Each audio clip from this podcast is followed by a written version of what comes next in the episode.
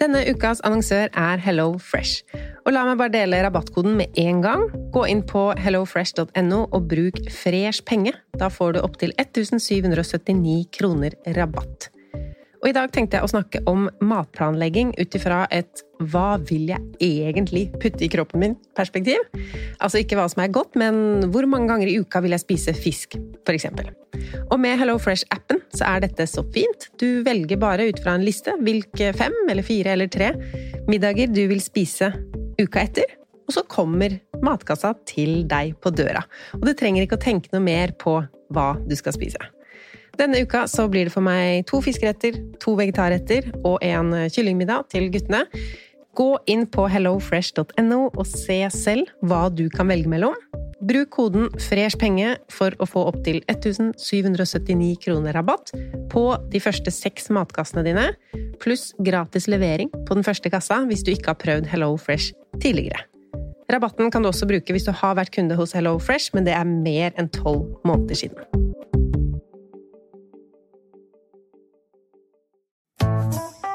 Har du et enkeltpersonforetak eller en liten bedrift? Ikke det? Nei. Nei, men da holder vi det enkelt og gir oss her. Fordi vi liker enkelt. Fiken superenkelt regnskap.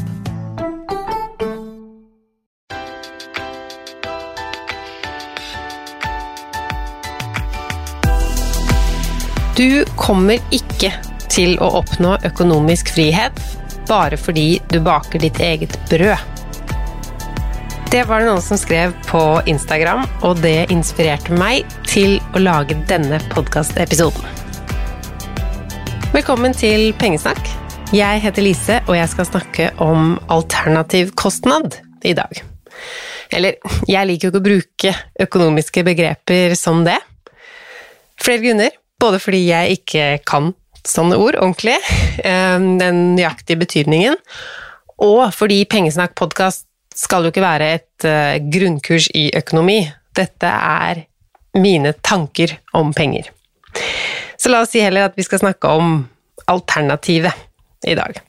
At når du velger å bruke penger på én ting, så velger du samtidig bort å bruke penger på en annen ting.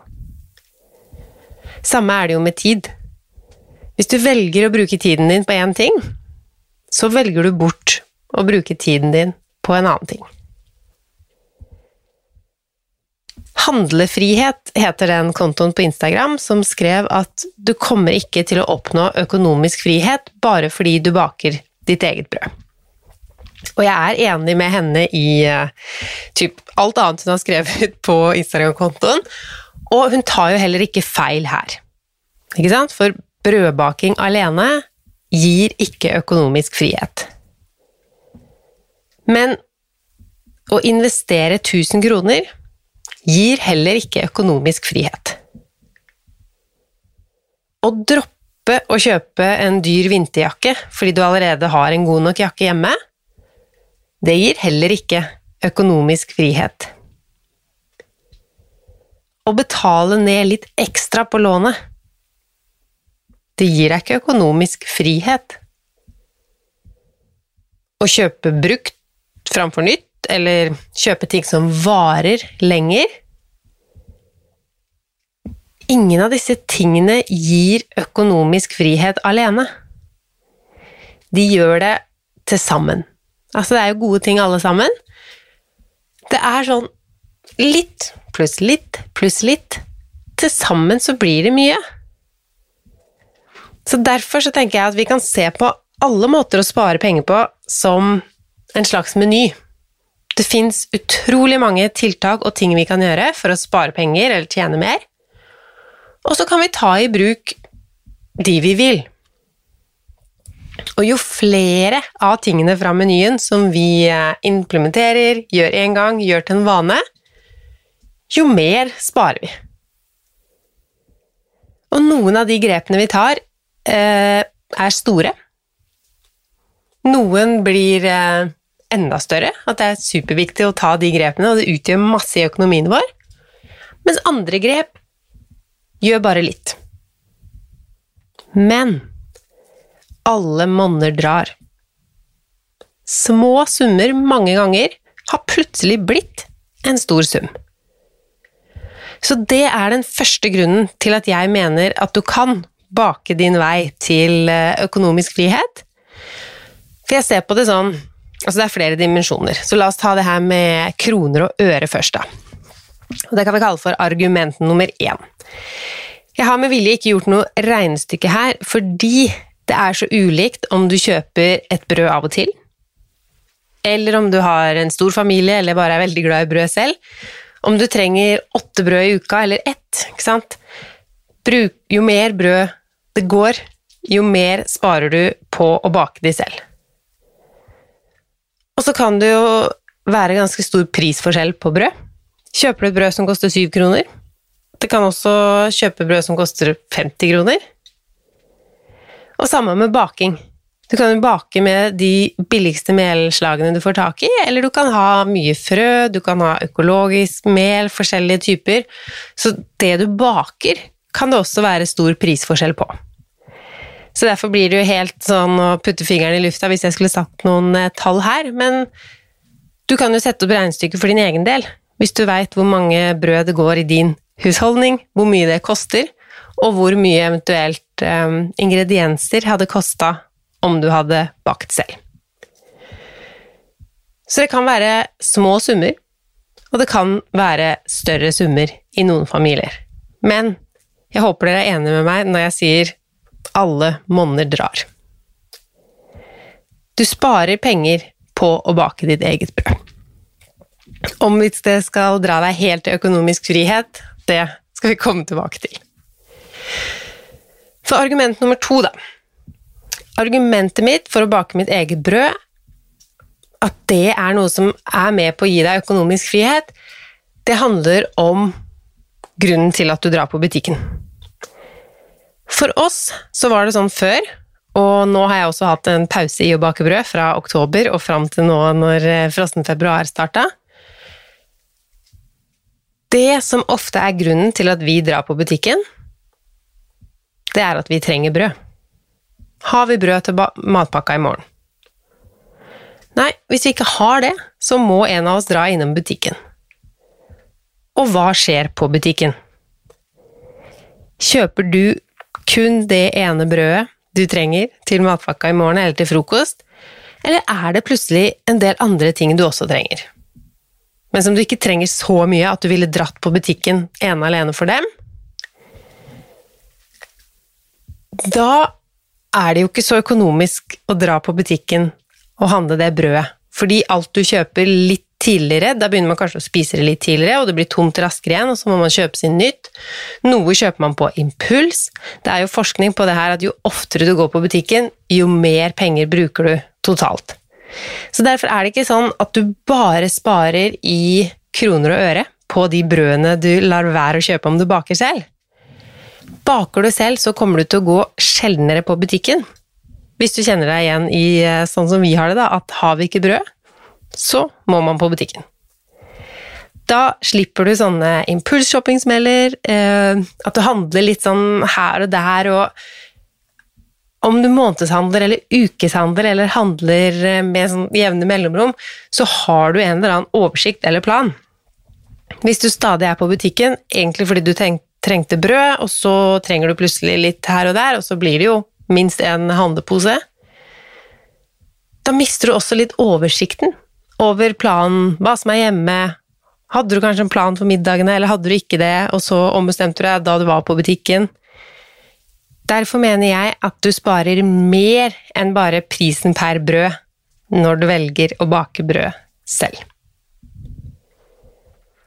Så er det jo sånn at tiden din kunne vært brukt bedre.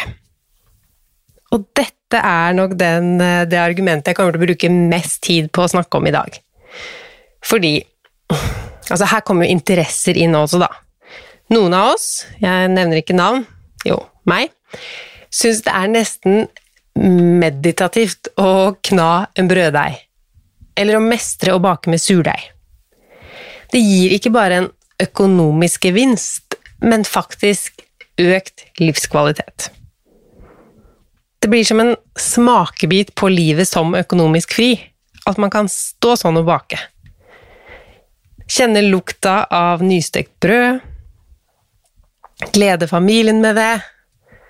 Ja, det blir veldig sånn romantisering av brødbaking her, men uh, sånn er det. Men så er det mange av dere som ikke liker å bake.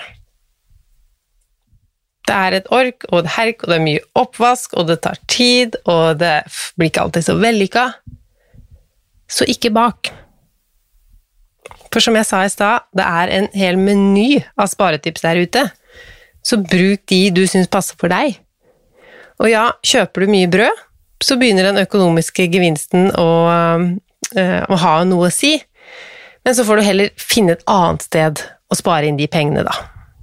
Eller tjene dem inn. For her er selve stjerneargumentet mot å bake brød. Det er ikke verdt tiden din. La oss si at du tjener 500 kroner i timen. Før skatt, etter skatt. Det var kanskje litt mye. Uansett, 500 kroner i timen, og du bruker én time på å bake to brød. Så er verdien på de brødene da 250 kroner stykket, pluss ingrediensene. Det blir veldig tydelig når man gjør det regnestykket, at det ikke er verdt det. Selv med mye lavere timeslønner enn de 500 kroner i timen. Og nå har jeg snakka om brødbaking så langt, men vi trenger ikke å henge oss opp i at det er brødbaking. Jeg øh, hørte også på en podkast her for noen uker siden, og da var det snakk om det å klippe plen. Det lønner seg ikke for meg å klippe plenen, sa han uh, som snakka, fordi han tjener 8000 dollar på hver eiendom han kjøper og leier ut. Det var kanskje ikke 8000 dollar, 800 dollar i måneden kanskje. Og så sa han jeg bruker tre timer research på å finne et bra investeringsobjekt. Så han sa de tre timene med plenklipping, de kan jeg betale noen under 100 dollar for. 100, jeg beklager at jeg ikke har de rette tallene, men det er egentlig ikke så viktig. Han mente at sine tre timer er så mye mer verdt, for de kan han bruke på å finne et investeringsobjekt, og det lønner seg jo mye mer enn om han skal eh, Han ville nesten vært dum ikke sant? hvis han brukte sin verdifulle tid på plenklipning. Men er det egentlig sånn at han hver tredje time i døgnet finner et objekt å investere i? Har han ikke råd til å kaste bort tiden sin på noe, da?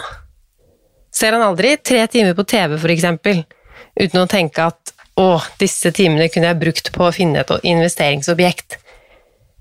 Kan han investere i uendelig mange sånne utleieleiligheter?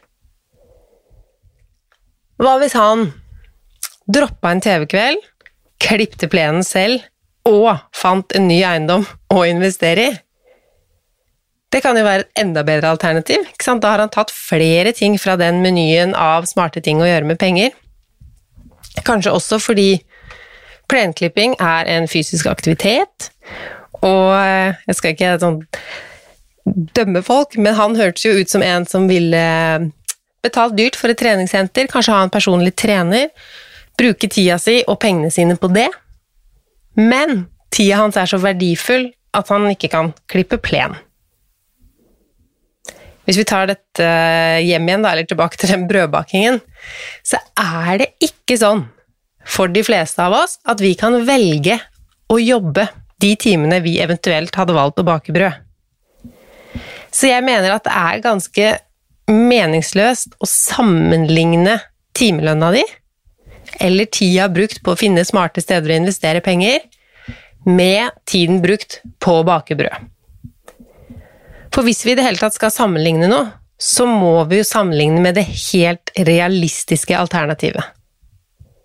Hva ville jeg gjort akkurat nå hvis jeg ikke bakte brød?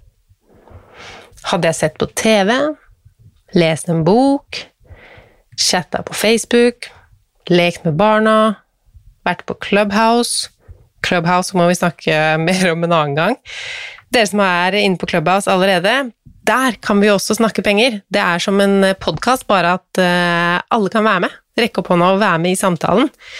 Så der har jeg tenkt til å lage flere pengesnakkgreier fremover. Så finn meg der, Lise Wermli Christoffersen, og så ser du når jeg da setter opp rom for å snakke penger. Ja. Hva er alternativet til å bake brød. De der minuttene. For det er jo litt sånn, det tar først noen minutter å blande sammen, og så er det heving. Da kan du gjøre noe annet.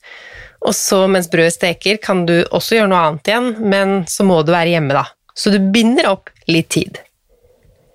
Hvor mange av dere har en realistisk mulighet til å bruke den tida på å tjene penger? Og disse argumentene mot å gjøre ting selv, det er jo ikke bare at man kan tjene mer der og da, men at man kan bruke tiden sin til å videreutdanne seg.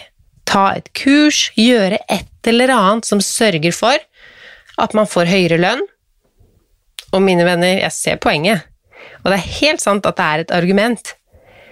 Men jeg kunne ønske det var sånn håndsopprekning her, for jeg må spørre hvor mange av dere er har en sånn type jobb, eller har en fremtidig jobb, som en type kurs eller etterutdanning, videreutdanning, noe dere kunne drevet med i kveld. Altså i kveld, denne dagen dere hører denne podkasten. Kan du gjøre noe i kveld som sørger for at du får høyere lønn, enten når du er ferdig med kurset, eller sånn i framtida? Det er ikke sånn at de fleste av oss har noe vi kunne drevet med for å tjene penger eller videreutdanne oss hver eneste kveld.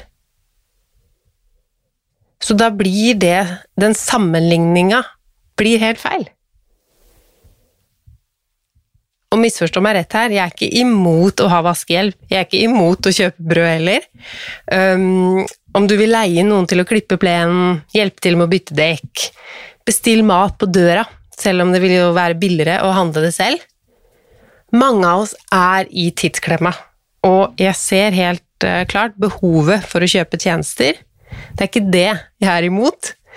Det jeg er imot, er det argumentet om at den tiden vår er så mye verdt, fordi vi kunne brukt den bedre økonomisk ved å da enten tjene penger direkte, eller å videreutdanne oss for å tjene mer penger i framtiden.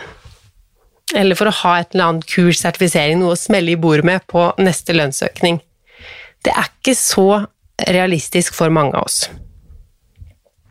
Kanskje for de av oss som er gründere eller selvstendig næringsdrivende. Vi ser jo på tiden vår på en litt annen måte, kanskje. Eller det er også mange av dere som har yrker hvor man enkelt kan ta en ekstravakt. Hvis du jobber som sykepleier, så får du nok muligheten til å ta en ekstravakt nå og da. Eh, men ekstravaktene er jo aldri sånn 20 eh, minutter, og så 20 minutter til, som er kanskje tiden det tar å bake brød, da. Men hvis du er lærer eller jobber i noen av de jobbene jeg har hatt, f.eks., så er det ikke sånn at jeg kan sette meg ned og jobbe litt overtid, jobbe ekstra om kvelden. Det har vært en fast månedslønn som man ikke får gjort så mye med. Verken ved å jobbe ekstra timer eller ta diverse kurs som man kan ta sånn litt og litt på kvelden.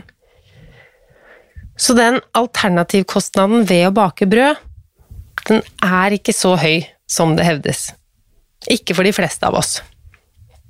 Det er tid som ikke ville vært brukt på å tjene penger. Så derfor kan den tiden bli brukt til å spare penger ved å bake sitt eget brød. Og gjennom det å øh, sørge for at man kan holde seg hjemme fra butikken og unngå å bruke mer penger. Derfor mener jeg at å bake sitt eget brød er en av brikkene man kan bruke på veien mot økonomisk frihet. Og du trodde kanskje jeg var ferdig med det brødeksempelet nå? Jeg er ikke det. Jeg har et fjerde og siste argument. For meg så er brødbaking og Eller egentlig alle sånne små besparinger.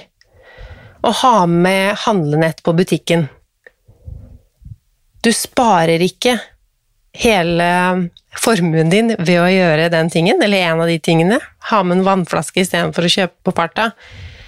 Det blir litt sånn mm, Ja, jeg er enig i at alle monner drar, men det er også en symbol.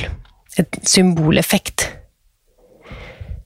Litt sånn Hvis du gidder å spare penger på brød, hvis du gidder å spare penger på handlepose eller den vannflaska, noe ganske lite, så gidder du jo mest sannsynlig å, penger, altså å spare penger på større ting også. for her hører jeg ofte et argument som bare er helt motsatt av hvordan jeg tenker. Eh, for her blir det med alternativ kostnad, eller alternativ, blir dratt opp og brukt på en helt feil måte. For argumentene mot at de små tingene spiller en rolle, eh, handler om hva, at man kunne gjort ting som lønner seg mer. Og jeg er ikke uenig i at om du skulle velge to ting, så vinner brødbakingen alltid. Altså hvis du skulle velge Du fikk enten lov å spare i fond eller å bake brød. Du fikk muligheten til å ordne deg en bedre boliglånsrente eller bake brød. Du kan forhandle lønn eller bake brød. Altså, bake brød taper jo alle de der. Jeg ville heller valgt Jeg ville ikke valgt å øh, klippe plenen min selv, bake det brødet, vaske hjemme, klesvask. Altså, man kan også få noen til å vaske klesvasken sin nå. Og sikkert for en mindre sum enn det noen eh, betaler for mye i renter, hvis de ikke har brydd seg om å flytte bank eller forhandle på boliglånsrenta. Men å gjøre de tingene selv er jo ikke uøkonomisk, selv om du tjener så mye at det på timeslønnsbasis ikke ser ut som at det lønner seg. Det var poenget mitt i stad. Poenget mitt nå er at det er bare én av tingene på sparemenyen. Og skal man spare mye, så må man benytte seg av mange deler av denne sparemenyen, som plutselig er et begrep som jeg har laga i dag. Det er så mange måter å spare på. Det er så mange sparetips. Det er mye som er lurt å gjøre med penger, både for å øke inntekten, minske forbruket, og så handler det om hva man gjør med det overskuddet. Skal det stå på en sparekonto, eller skal man plassere det et enda smartere sted?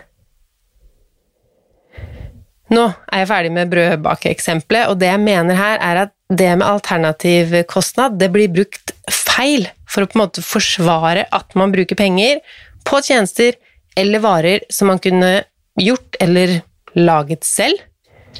Som sagt, det er helt lov å bruke penger på dette, men ikke si at det er fordi du ikke har råd til å gjøre det selv, basert på din timeslønn, hvis det ikke er et helt realistisk scenario at du ville brukt de samme minuttene som du er ute på gressplenen din og klipper gress, eller inne i bakbollen din, på å faktisk tjene penger, eller på å ta en telefon og bytte mobilabonnement.